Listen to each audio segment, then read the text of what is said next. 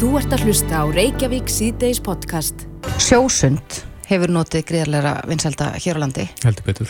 um árabil og mér finnst alltaf fleiri og fleiri vera, vera farnir að skella sig í sjóin. Hefur þú prófað þetta? Ég hef ekki gert þetta, ég bara viðkynna hér og nú. Nei, hvað heldur aftur að þið? Eh, Ég er svo mikið kuldaskrefa. Já, En ég hef samt verið að æfa mig í kaldapottinum. Ég náði að fara í þrjár myndur í kaldapottin daginn, slómið. það er vel gert. Já, en, en mér finnst einhvern veginn sjórin vex mér í augum og svo er, er ég svona eitthvað svona pínu um, að hugsa um hvort það sé einhvers konar dýr og eitthvað. Ég er ekki mikið fyrir sjó, ég, ég vil heldur eiginlega ekki verið sjó sko í heitum löndum. En allavega, það byrstist áhugaverð frétt í vikunni sem að segja frá því að miðaldra konum sé ráðið frá því að synda í köldu vatni. Það, það eru nýja fréttir. Það eru nýja fréttir. Og, af hverju? eh, Þarna er verið að, að, að vísa í breska blaðið Telegraph sem að, að vísa í grein sem byrtist í eh, BMJ Case Reports á dögunum. En greinin fjallar um konu á 60 aldri sem að viktist alvarlega í sundi í köldu vatni. En þessi kona tekið fram að hún sé í mjög góðu líkamlegu formi og keppi í þrýþrut.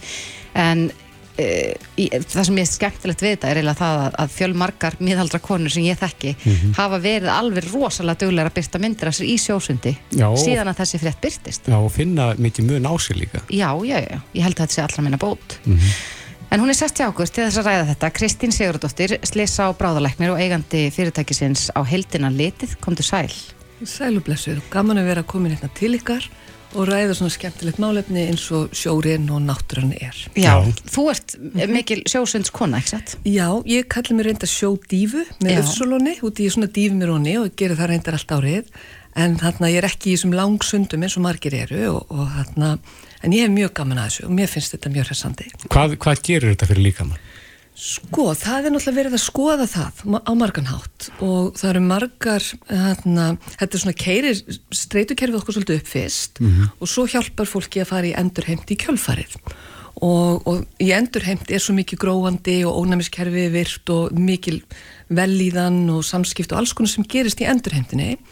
En það er alveg þannig og ég sem slis og bráðlæknir ég hef alveg dálæti á bæði streitu og seglu en það er þannig í lífinu ef við reynum aldrei á kerfin okkar hvort sem það er vitræn áskorun hvort sem er að fá svolítið hýta eða kulda eða að reyfa okkur, við verðum að reyfa okkur þá, þá, þá erum við getið að ræsa þessi kerfi okkar og ebla, við erum þá ekki að ebla heilbrið okkar. Þannig að hæfileg ræsing hæfileg streita, hæfileg dálag er mjög holl fyrir okkur og lífsnöðsynleg hins vegar eigum við ekki að ofgera okkur og við hefum verið góðum tengslum við líðan okkar og líkam okkar og finna hvernig okkur líður og við að hlusta á það. Það er til dæmis þannig að maður fær ekkert allt í hennu að hlaupa marathon og það er sama með sjón, maður stekkur ekki bara allt í hennu úti og maður verður að miða við aðstæður og lesa líkama sinn og til dæmis ef fólk er farið að verða kalt eða finna fyrir skjálta þá er hann alltaf bara að fara upp úr Hvað er litja mörkin? Hún þóttist tala um þrjára mínútur áðan. Já, það er svo mismunandi hjá okkur. Hún er búin að þjálfa sig upp í þrjá mínútur. Ég byrjaði Og- í sko 15 sekundum. Já, nákvæmlega, nákvæmlega. Þú, ert- þú ert alveg með þetta.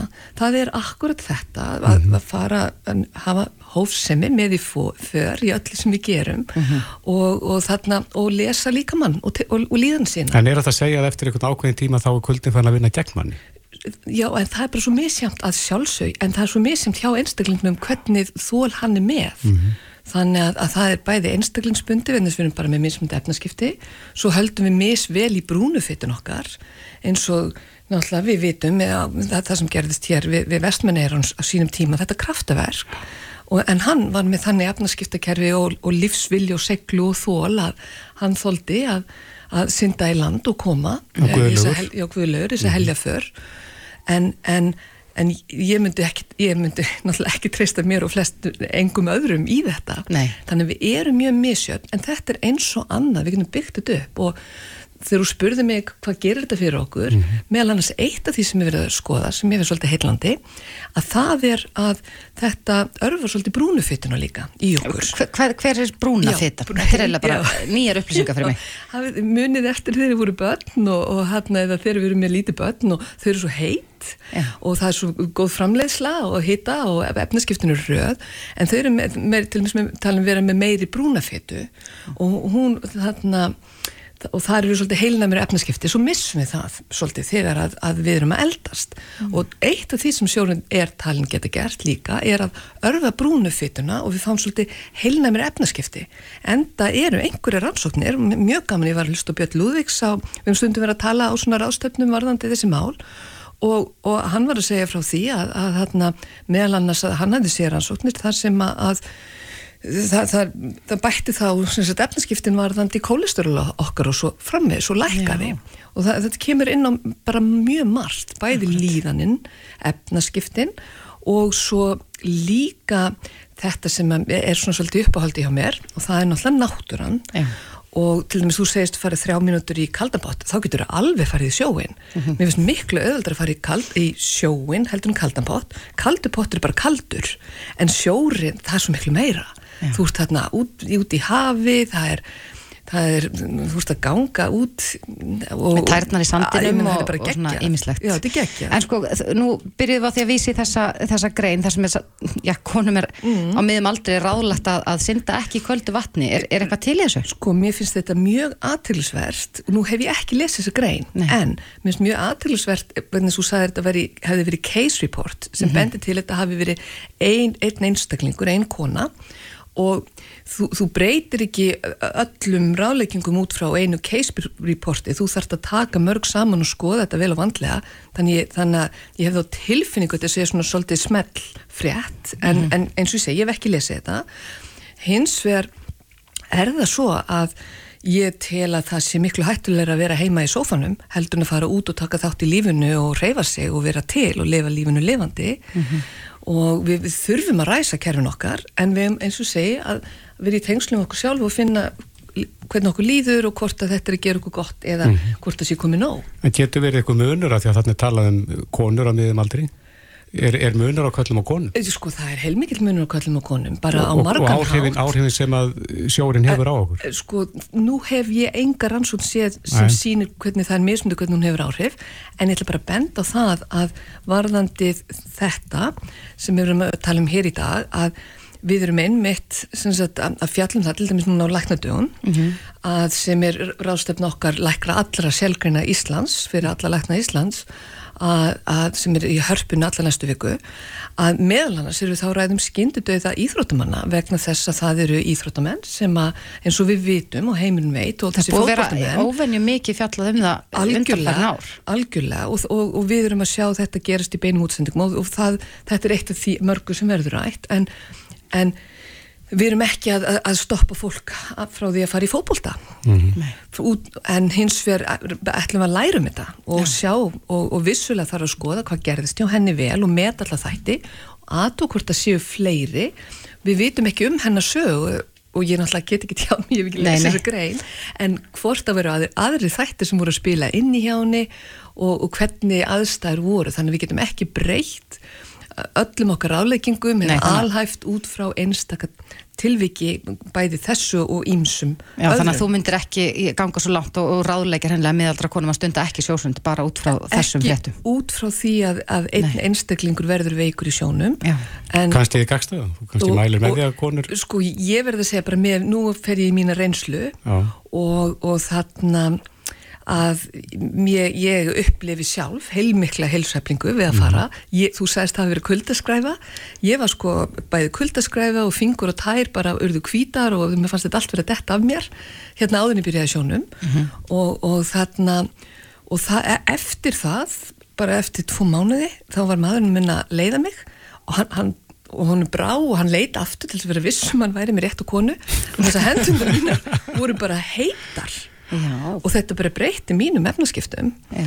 og ég, ég er ekki kulvís lengur ég, ég er meira þess að núna í frostinu ég er að standa með aðið ítrykka ég er að gleima að taka úlpu með mér út og svo fram með þess en þetta, þetta örvar þetta. Hvað ferðu oft í sjóin í viku?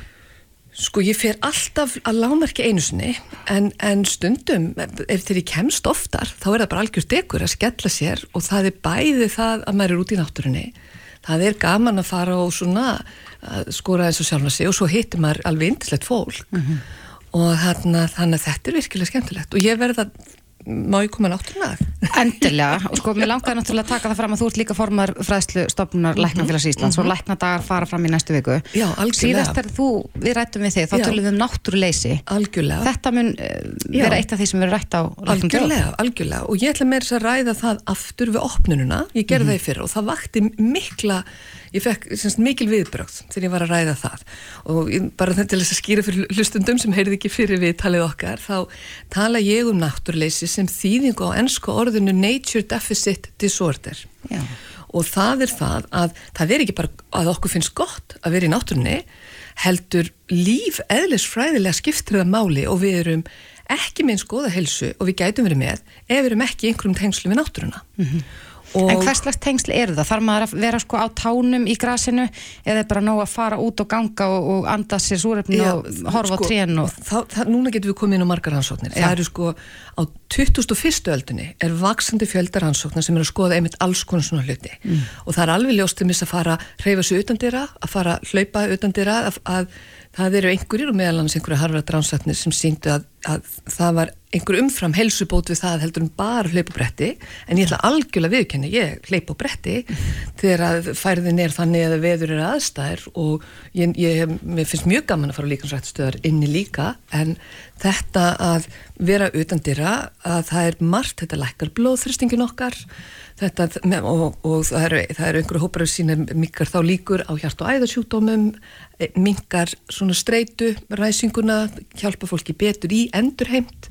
Og eins og ég sagði en, í endurheimt þá er ónumiskerfi okkur í gangi, gróandin er í gangi og Við erum erum, svona í náttúrulega- flæði við erum partur af náttúrulega. algjörlega Þannig að það er Og- ekki hægt að stíla þar á milli. Nei, og mikið, mér, mér þykir mjög vænt um að þú komst þessu að vegna þess að mín grundvallar raunveruleg speki, lífsspeki mín sem sá einstaklingu sem ég er og læknir hefur alltaf tíð verið að tengsl eru einfallega grunnur okkar tilveru og velíðan og heilsu.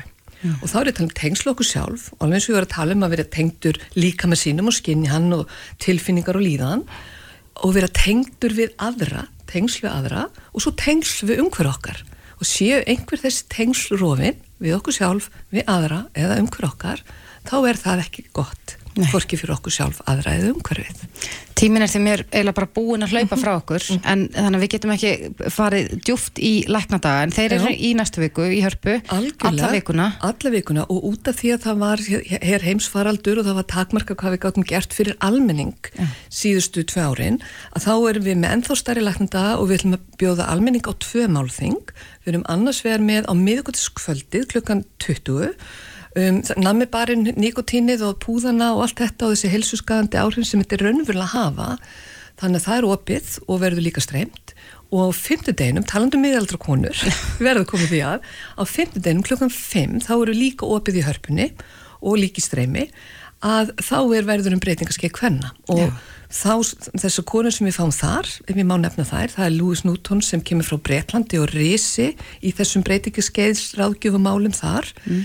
Angelika sem kemur frá Karolinska og tala um testosteron meðferðirnar og ég get alveg komið rætt við aðra leiði til þess að framleiða eigin testosteron við, við ykkur síðar ef þið hafið áhuga á Ég, held en að við þurfum bara að fá því nokkur vitul eftir þetta vitul og, já, og svo er það líka þannig að, að þarna óerlagerður sem er yfirlæknir kvennhelsu á höfuborgarsvæðisinu hún ræðir þetta líka við meðrandi þingdaraukningu og, og þessi tengslu og alls konar. Þannig að það er ótrúlega margt spennandi þetta er opið fyrir almenning en svo bara hvet bæði fjölmiðla og almenning að fylgjast með öllu hínu sem er að gerast hjá okkur Akkúrat. og nýta tækifærið Já, Kristín Sigurdóttir, slisa á bráðalæknir og eigandi fyrirtækisins á heldina litið.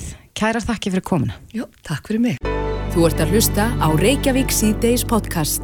Reykjavík síðdeis heldur áfram, Eh, klukkuna vantar rétt um 28 mínútur í 5. Í gær heyrðu við í Halldóru Sigriði Svensdóttur sem er formaður Bárunar stjættafélags Mm sem að sagði að því að tugir eflingamanna hafi haft samband við sitt stjættafélag og viljað skipta, Já, yfirgefa eflingu og, ganga til til þess þessu Báruna. Akkurat og hún sagði að eh, hún hefði nú heyrt í öðrum verkalýs fóringum Mm sem hafði sömu sögu að segja.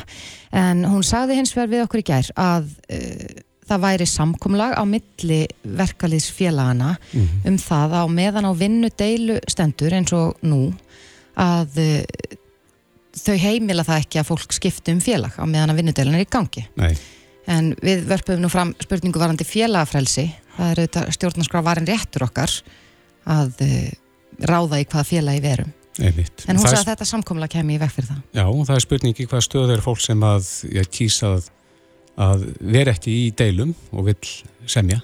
Akkurat. Á línunni er uh, sérfræðingur í vinnurétti, Lára Vaf Júliusdóttir, komdu sæl. Já, blessaður. Já, í hvaða stöðu er fólk sem að, sem að vill skiptum félag en, en félagi sem það er í stendur í ykkur vinnudölu?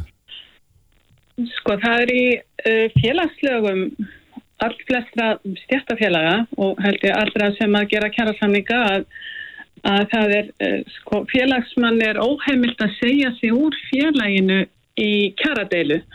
Það er að vísi svo litið misjátt á milli félaga hvernig þessi ákvæði eru orðus en uh, prinsipið er það að, að uh, þegar að um kjaradeilu er að ræða hvort sem að, að, að sama ákvæða rauninni komin að þá, þá geta félagsmenn, þeim er ekki heimilt að, að yfirgefa skútuna þeir verða að, að sætta sig við það að, að vera félagsmenn. Þar til búið er að, að ná niðurstöðu í, í deilunni.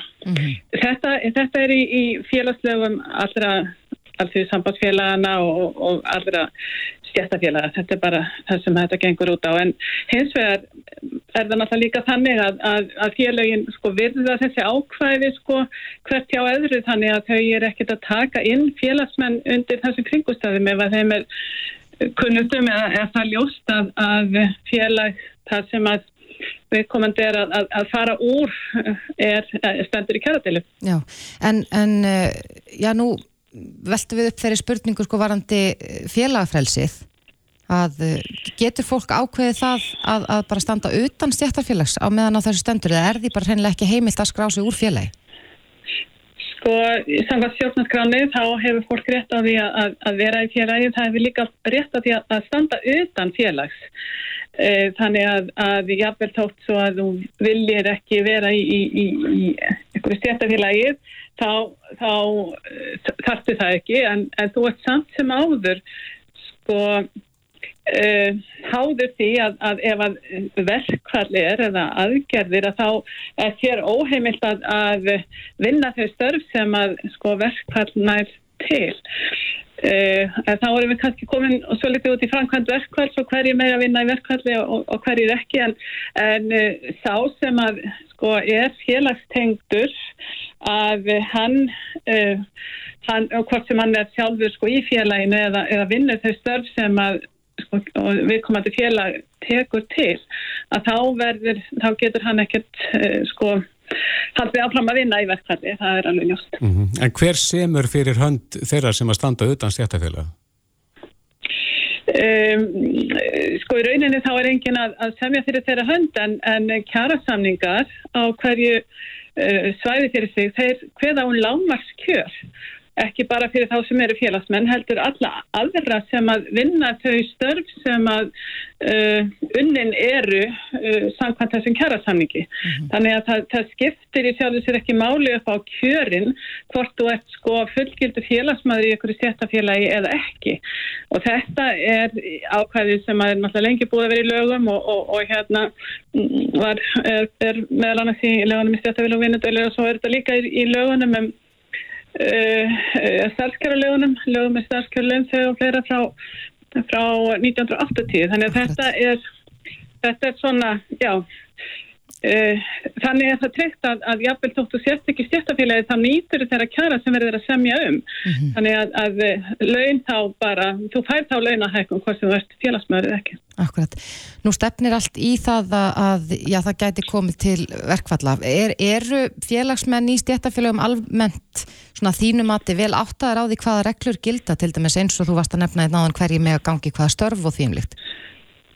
Sko, það er nú yfirleitt alltaf sko í upphafi eða áður en kemur að, að vinna deilu þá, þá fara þeir sem að uh, þessu stjórn að fara yfir þessar reglur og, og mæta vinnustæðin og brína fyrir fólki hvernig á að gera þetta og það er náttúrulega trúnaðmenn á vinnustæðin sem sjá um þessa framkvæmt þannig að þetta er alltaf, þetta er stöðað fyrir ekki í hver skipti sem að eitthvað, eitthvað slikt er á ferðinni og, og fólk er, er látið vita og það er meðvitað um þetta, já.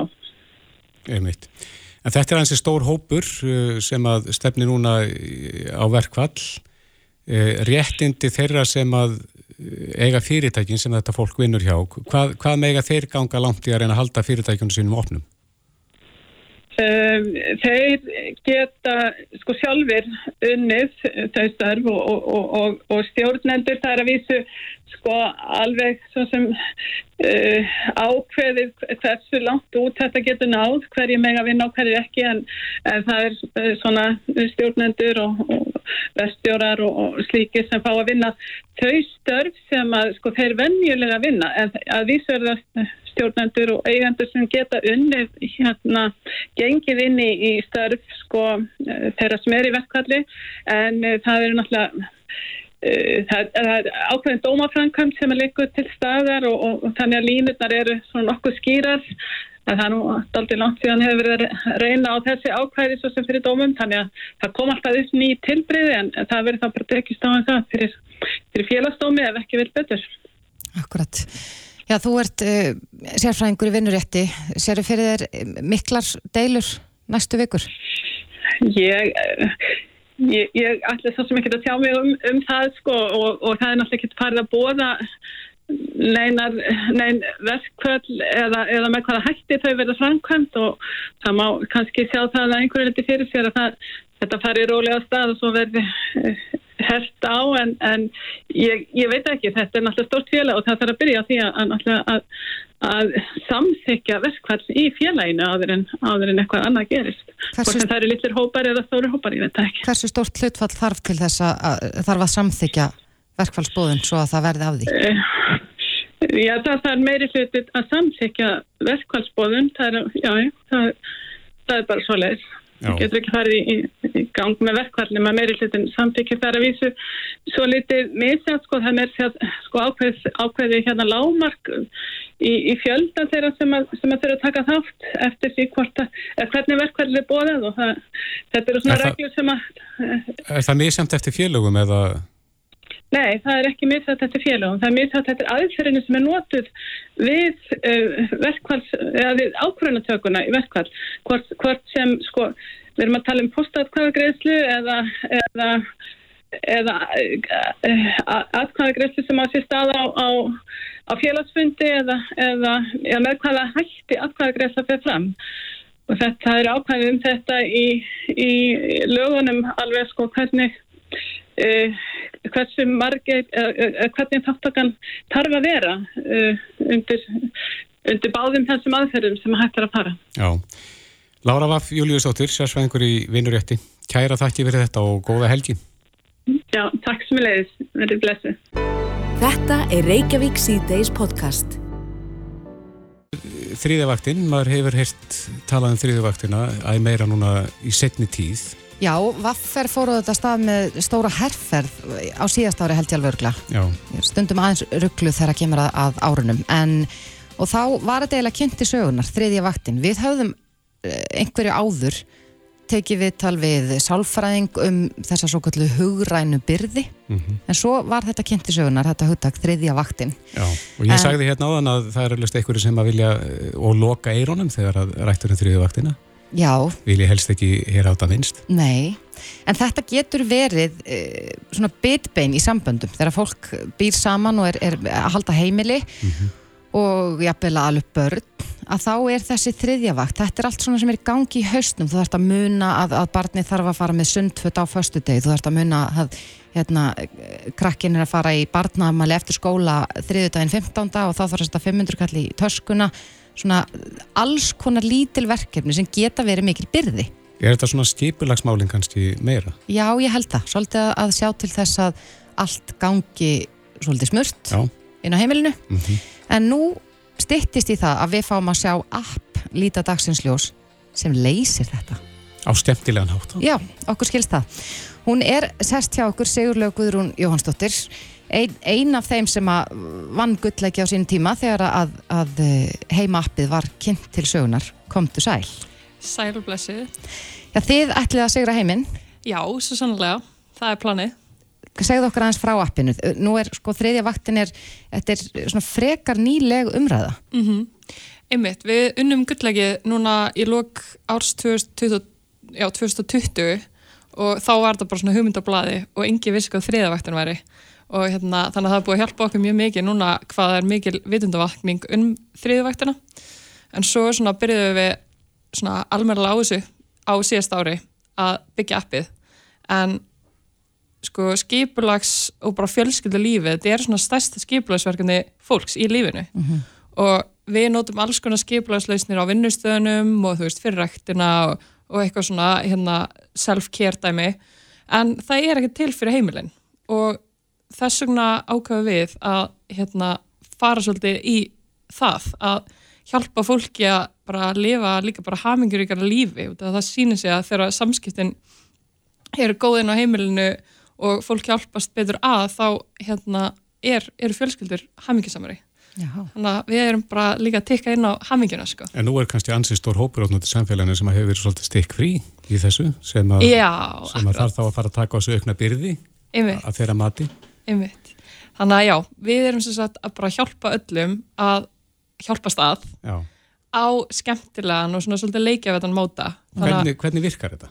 já, þannig að þá fá í rauninni allir í fjölskyldunni verkefni við sitt hæfi, börn fá líka verkefni og, hérna, og verða svolítið svona drifin að því að hérna, vinna sín verk og geta þá sínt fram á þessu að hjálpa til og gera sitt inn á heimilinu og, hérna, og fjölskyldur eiga bara að þurfa að gera sem minnst sjálfar. Við í rauninni komum til með að í rauninni láta fjölskyldur hafa verkefnin.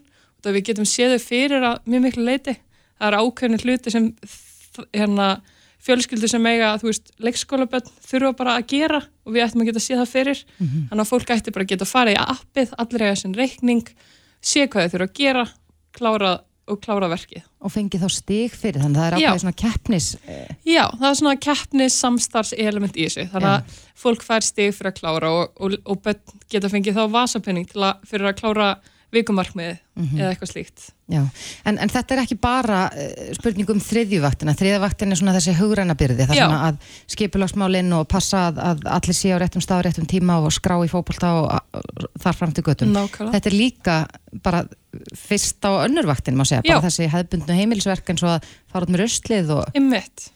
Og ymmit, þetta eru bara þessi hérna, verk sem við þurfum að vinna á heimilunum okkar og hérna ymmit að, þú veist, til dæmis að fóra út með rusli, það er verkefni sem að hendar börnum oft mjög vel, þannig að hérna, þá er hægt að deila þeim verkefni svolítið niður, líka bara með bílamálin, maður heyrir nú ofta hérna, sumir segja bara, já, ég sé samt bílana og það, hérna, það gleymist alveg í heldamyndinni, en hérna, og þá bara í rauninu fá allir hérna, virði fyrir þau verkefni sem þau eru að vinna, Allt sett inn. allt sett inn. En getur maður þá séð í appinu svart á hvítu hver gerir mest ef, að, ef að það er einn aðal í sambandinu sem er mikið með Einmitt. og er að tikka inn alveg endalista stigum fyrir að sinna henni Mhm. getur maður þá séð já, kannski eitthvað ójafnvægi eða kannski bara jafnvægi Einmitt, þannig að þá get, á fólk bara geta séð nákvæmlega hver er að vinna hvað og hérna, einmitt og þú veist, bara að jafnvægi og þó það sé ekki jafnvægi þá er fólk allavega upplýstara um hérna hvernig verkaskiptin, ver, verkaskiptingin er. En þetta er ekki hérna- komið í, semst, það er ekkert að, að niðurhala appinu eða ekki ennþá, við erum byrjað að deila með fyrstu hundra fjölskyldunum og hérna sem er á prófappi fyrir okkur. Er, búið, Og- er svo já. prófum búin að vera í gangi ykkur tíma? Hún er búin að vera í gangi núna í tvo mánuði og hérna, við erum bara að vinna úr svolítið svona, hérna, feedbackinu sem við fengum þar og munum svo stækka hópi núna eftir því sem að hérna, janúar og februar líða. Eru að- komnar eitthvað að bráðabera niðurstöður? Já, við erum búin að fá mjög gott feedback, bara fólk er mjög spennt og við erum að svona, já, við erum bara svona að bæta aðeins meira djúsi við appið. Við hérna erum að sjálfvirkni væða og hérna og bæta við svona áminningar, þannig að fólk hérna fái áminningu frá heima um að hérna um hvað þarf að gera í dag og svona. Verkið sé Þannig- óunnið. Já, eða þá að það geti kannski nælt sér í auka stig eða eitthvað svo leis þannig að, já, það er þannig að það er það sem er að döfunu núna og, og við erum mjög spennt að hérna, deila appinu með fleirum og það kemur á App Store í vor. Já. þannig að þá getur allir sota En þú sagðir að það væri nú, já, þið væri svona búin að sjá fyrir einhver heimilisverk sem þarf að vinna, en geta notendur bætt við sjálfur ef að ég er bara með eitthvað mjög óheðbundið Já, á mínum lista? Einmitt. Get ég Fólk- þá sett það inn sjálf? Algjörlega, fólk getur bætt við verkefnum á einfaldan hátt og það kemur líka inn í stíðagjöfuna og hérna, þannig að ef að þú sýnir frumkvæði og hérna, bæti við verkefnum sem er að vinna, þá færið þú líka viðkenningu fyrir það. Haldið þið að, að þetta muni bjarga mörgum hjónaböndum eða samböndum? Uh, já, eins og sagði ég áðan, það er sem sagt hérna, ójöf skipting inn á heimilinu er þriða stærsta ástæða fyrir hjónaskilnum í heiminum. Þannig að við ætlum klálega að hérna, gera okkar til að minga þá prósendu. Bjarga heiminum. Við erum náttúrulega bara að bjarga heiminum. Já, ég held að, að jafnvel þó að sömur vilji loka eirunum og hugsa eh, kannski, ég ætla að segja blótsir en ég ætla ekki að gera, að nú verði þetta kannski jafnara og margir myndu kannski bara vilja að sleppa við þetta að þá eru eflaust margir sem býða spenntir eftir þessu appi. Já, ég, ég allar, já, við vitum bara það, það eru margir mjög spenntir og fólk getur svo hérna bætt, uh, komist á byglistan okkar með að frá heima.is að ágætt að koma því til skilja líka. Ég var að því á meðan að við vorum í svo viðtali. Gekkja. En Sigurlaug Guðrún Jóhannsdóttir, kæra þakki fyrir komuna og við bara heyrum, heyrumst aftur þegar appið er komið í loftið. Algjörlega, takk fyrir mig. Þetta er Reykjavík C-Days podcast. Reykjavík sýtið seldur áfram, uh, klukkunum vantar 27 mínútur í 6. Það stýttist í fréttagetrun hjá Já. okkur. Það spyrir ykkur út í atbyrði vikunar hér eftir skamastund. En áður ætlum við að reyna að krifja helsufar þjóðarinnar. Já, er það verra núna? Já. Erum við næmari fyrir þessum pestum sem er að ganga þessa dagana? Mhm. Það eru ansa, ansi margar, finnst okkur? Já, við auðvitað eh, lítum tilbaka og munum eftir heimsfaraldrinum sem er nú kannski ekki búinn en, en eh, ég held að ég hef aldrei á lífinu, í lífinu spritta mig jafn mikið eða verið jafn duglega við handþvott og ég vissulega þóa mér ennum hendur. Já, getur verið að það sé, sé að koma í bæti á okkur núna. Björn Rúnar Lúðvíksson, prófessor í Ónumessvæði, er mættur. Velkomin. Já, góðan daginn. Hvað segir um það? Er við, voru við ómikið í bómull? Erum við að súpa seiðið að þessu í dag? Ég, ég, ég, sko, ég var alveg á því og, og, og margir svo sem að, að, að svo væri en, en við erum alltaf alveg óbúslega fljótt að gleyma og við vorum í bómul í, í nánast í þrjú ár þar sem að allir voru innilokaðir og, og fór ekki neitt og, og enginn sýttist náttúrulega á meðan. Að, og eh, svo var líka annað sem eh, við komum með þess að það kom mjög áhugaverð grein bara núna í byrjun desember sem að kannski útskýrir þetta svolítið fyrir okkur af hverju að við erum svona mikið lasin, mér er að segja ég sem aldrei er lasin, ég lá- var meira minna lasin bara í allan desember, loksins núna að, hætt, að hættur að hósta og vera með renna, rennandi nef. Þannig að, að, að það er svona eh, já, það er margt sem bendir til þess að það sé kannski aðeins meiri tíðni af, af smittsjúdómum uh, núna uh, heldur en áður. En, en sko tölunar við erum eftir að krifja þær betur en, en það er margt sem bendir til þess. Ástæðan fyrir því held ég held, ei- sé fjölþætt og, og eh, eitt af þessu sem við náttúrulega erum að fara núna hérna, hér á landi allavega eh, þó svo að þetta sé bylgja sem við erum búin að fara umlega yfir heiminn byrjaði eila strax í september, oktober og svo fengum við svona restina af henni hérna. En, en á sama tíma erum við að lenda einu mest af guldakasti hérna allavega á, á þessu landsvæði hérna á Suðvesturhóndinu í manna minnum og í því sambandi að þá höfum höfum við vitað það mjög lengi að sko kuldin að hann hefur slæm áhrif á svona suma þætti í ónumiskerfunu en svo kom þessi magnaða grein sem að eru nú ein, í svona einvirtast tímarutun í mínu fæi General Alice and Clinical Immunology eh, núna í byrjun desember frá hópi frá Boston og þeir síndu mjög aðtilsuna hlut. Og það er það að, að, að það eru svona til hluti í ónumiskerfinu um, sem, sem við kallum uh,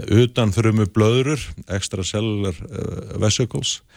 Og ja, kannski ættu að tala um utanfrumu bolta núna í svona þetta var HM en, en, um, en þessar blöður eru svolítið magnaðar. Að þær geta haft svona áhrif á ónumiskerfið en þess að það gerir líka sem að þessi vísendamenn voru að rannsaka sérstaklega og síndu fram á er að þær plata vírusana okkar í því að þeir halda að þetta séu frumur og alltaf allilis að, að skemmta sér en, en þessa, þeir, þeir bara festa sig svo blöður og eins og svo lím kúlur sem að fara þá bara með á niður í maga og meldingavegin og það er þeim slátrað í, í háu sírustí og meldinganinsum og við verðum ekkert verfið það.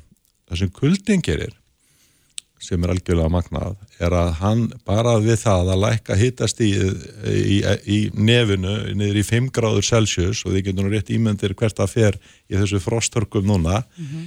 að þá mingar framleyslan á þessum blöðurum um, um helmingum 50% þannig að vírusinar hafa þá miklu miklu meiri tækifæri til þess að koma sér fyrir og síkja raunverulega frumur Mm -hmm. og, og, og, og það útskýrir allavega þá að einhverju leiti og sem er segja stórun hluta af hverju að við lendum í þessum faraldrum af efri loftilega síkingum, sérstaklega út af vírusum á kuldatíðinni Já, þetta náttúrulega, höfum við alltaf þurft að gangi gegnum. Já, en eins og það er þá getur þetta verið fjölþætt Já, þín skoðunum og svo að það gæti spilað eitthvað inn í að við vorum svolítið í bómull í, í nánast þrjú ár. Já. og svo bætu við þessu ofan á það er eh, rosalega kallt hérna, miklu kaldar en hefur verið að eh, það gæti orsaka það að, að fleiri eru bara að steinleikja Já, og svo náttúrulega líka hitt sem má ekki gleyma að, að þetta er náttúrulega að veri skugalegar mengunatölur sérstaklega hérna á höfðbörgarsæðinu viða þegar loknmallan er svona mikið og mikil svifrik og, og, og loftmengun og það hjálpar heldur ekki þessum viðkvæmu slímhóðum okkar. Ekkert frekar enn eins og til dæmis reykingan að gera. Já. þannig að, að, að þetta er svona margþætt áhrif sem held ég að hafi þarna, spila þarna uh, og hafa áhrif á þetta. En sem betur fyrir að þá verðast nú allavega tölun að benda til þess að við séum svona að sigla uh, aðeins á lignar í sjó í þessu en þetta tímambil er ekkert lokið, við vitum það náttúrulega við sem eru aðeins eldri heldur en fjagra vetra að, að þetta endist svolítið. Einmitt. En nú heyrim að líka þennan hóp sem að hefur talað gegn bóluefnum uh, er að tengja þessa miklu smittíðni núna við bóluefnum. Er eitthvað sem bendir til þess? Uh, nei, það er, það er fátt sem bendir til þess og, og, uh, og, og þvert, þvert á mótið þá er það náttúrulega lungu vita og ég hef náttúrulega rætt um það við ykkur áður hvað bóluefnin og bólusetningin er mikilvægt til þess að styrkja ónumistarið og það er það sem hún gerir og vendar okkur og við sjáum það glöglega í, í innlagningartíðnunum og, og í dánatíðnunum og öðru, jafnvel núna við erum ennþá að glíma við COVID og þó sé ekki til líkingu við það sem var áður. Mm -hmm. að þeir sem eru vel bólusettir að, að þeir eru miklu betur varðir bæði fyrir alvarlegum sjúkdómum, innlögnum og talningum sko að andláti. Fyrir ekki þessa nýju upplýsingar með blöðrunnar getum við unnið eitthvað með þetta? Er, er eitthvað að nýta þessar upplýsingar til þess að ég, styrkja okkur? Já, menn áttalega að fara strax á flug og, og, og ég er alveg vissum að það er þegar að byrjuð einhver sprótað fyrirtæki þá að hugsa, hugsa gott við glóðunar. Eitt af því sem að maskin gerir og það er, hafa menn þá verið að hugsa aftur bak, hugsaðlega var maskin ekki bara að venda okkur fyrir því að verða fyrir innrás sko, vírusa og, og og, og fruss og annar skemmtilega slutt frá, frá náangunum heldur líka að, og það höfum við vitað sérstaklega við sem höfum verið að hugsa um asmasjúklinga að, að setja trefil fyrir hálsinn eða vera með einhvern maska eða eitthvað að það hita loftið mm -hmm. þannig að með því að vera með maskan að þá verður þá hitu við loftið, það verður ekki sami hraðin og loftlæðinu inn og, og þar að leiðandi hefur þá loftið meiri tíma til þess að hitna áður en að fjera á þessa veikvæmi staði. Er sánu eða guð? Hvað segir þau? Sánu? Sánu, Sána, já, neða, það, það hjálpaður ekki sko út í kuldanum sko, það er, það er vandin. Nei, en það er, það er heitt loft. Það er heitt loft, en það er náttúrulega kannski svona hjálpar, en já, það er góð, góð, góð hugsun sko, en ég, það finnst öllum gott að fara í sánuna, og, en, en hvort að það styrkja ónumeskerfið þitt, ég held að það, við bara hinnlega vitum það ekki. Nei. En sko, nú, ég mann mjög vel eftir því hérna þegar að, að það var nýbúið að gjósa, þá töluðum við, við þig um utanverðarhlaup þú fórst eitthvað óhefbundna leið og hljófsta gósinu, mikill hlaupari en e, þá spyr ég fyrir þá sem er að reyfa sem ekki utandira í þessu mikla kulda mælir þá með því að ég hef nú séð einhverja svona já bara svona hálfpartin lampúsettur sem fara alveg fyrir nef og munn er, er það kannski góð leið fyrir fólk sem er mikið að stunda íþróttir í kuldana? Já, mjög, mjög gott og komst inn á þetta sérstaklega núna fyrir, fyrir í þessu miklu kuldum og þegar svifri ekki er svona mikið að þá er mikilvægt að reyna að halda sig frá stótbröðunum þegar maður er að reyfa sig til að vera í, sem, í, sem minstri mengun mm -hmm. og svo hitt að, að vera með treyjavili eða einhvers konar maska, það eru til alls konar svona hlaupa grímur með svona göttum fyrir, fyrir, fyrir andlitið og svona maður þarf svolítið að venja sig á því að, að, ver, að nota þetta þetta hjálpar alveg klálega og dregur þá úr einmitt bæði mingurinn og svo hitt að þetta og núna með þessa lífi upplýsingar að þá, mm. Þá hérna, hjálpar það með, með því að hýta loftið en, en við veitum líka að þeir sem eru með asma og, og öndunum vera sjúkdóma þeir þóla illa þennan kulda mm. að það eigur á ertanleikan og viðkvæmna í, í öndunarveginum. Þannig að þess vegna er mikilvægt fyrir það fólk að passa sér sérstaklega mm -hmm. þegar það eru utan þeirra í þessum mikla, miklu kuldum að vera þá með tref eða eitthvað fyrir vittum. Já, fylgdi það eitthvað þessari frétt, hversu lengi fólk þarf að vera í kuldan með andasi kvöldu lofti til þess að, að minka framleysla á þessum blöðurum? Já, ég hugsa þetta í þessum miklu frosthörkum sem eru núna að þá uh, sko uh, þá held ég að þetta gerist mjög rætt vegna þess að það niðurstöðuna þeirra síndu það að fara niður í 5 gráður Celsius mm -hmm. Í, í, í nefinu. Og, og þetta, voru, þetta var ekki langu tími, ég man ekki nálega nákvæmlega tímalengdana, við minnaði að verði bara einhverjar 5 eða 10 mínútur eða eitthvað slíkt.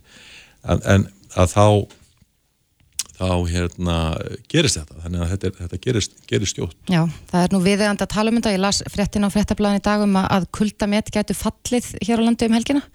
Þannig að það verður kallt en getur við kannski rétt í lokin aðeins innbráð því hvað við öll eigum að gera til þess að styrkja ónæmiskerfið við höfum oft rætt þetta við Já, það er að stunda ónæmistekur það er að hugsa vel um líkom og sál dragur álægi, borða hól, treyfa sig, ekki reykja og, uh, og svona uh, og passa upp á svepp mm -hmm. álag, streyta raung, næring, borða úr öllum, alla liti í, í, í matarófunu þá, þá náum við þessum líkil vítaminu sem, sem líka skipta máli fyrir ónámskerfið. Við nefndum hérna gamla orðatiltækið áðan af mísjöfnu þrýfa spötni best. Á það vel við? Já, við hefum náttúrulega ekki að vera í bómul, við erum náttúrulega, maðurinn þróast sem átaka dýri í erfiðum og, og hættulegu umhverfi, þannig að ég held að það sé almennt ekki holdt fyrir okkur að vera ofarin, en, en, en þetta það þarf að vera millilegur þetta, Já. en við vitum að við þurfum að, á því að vera í, við þurfum svona ákveðin skít í umhverfið okkar til þess að styrkja ónumiskerfi. Naga neglur. Nei, Nei. ég, Það er nú e- eitt af því góða sem kom út úr þessum heimsfaraldri ég hætti að naga á með neglunar það er út af því að ég allt í henni voru við að koma með eitthvað skæða veiru það þurfti heimsfaraldur það þurfti heimsfaraldur til þess að ég var búin að naga neglur í, í cirka 30 ár þannig að ég sé það líka með mjög fallega neglur. Já þakka þér.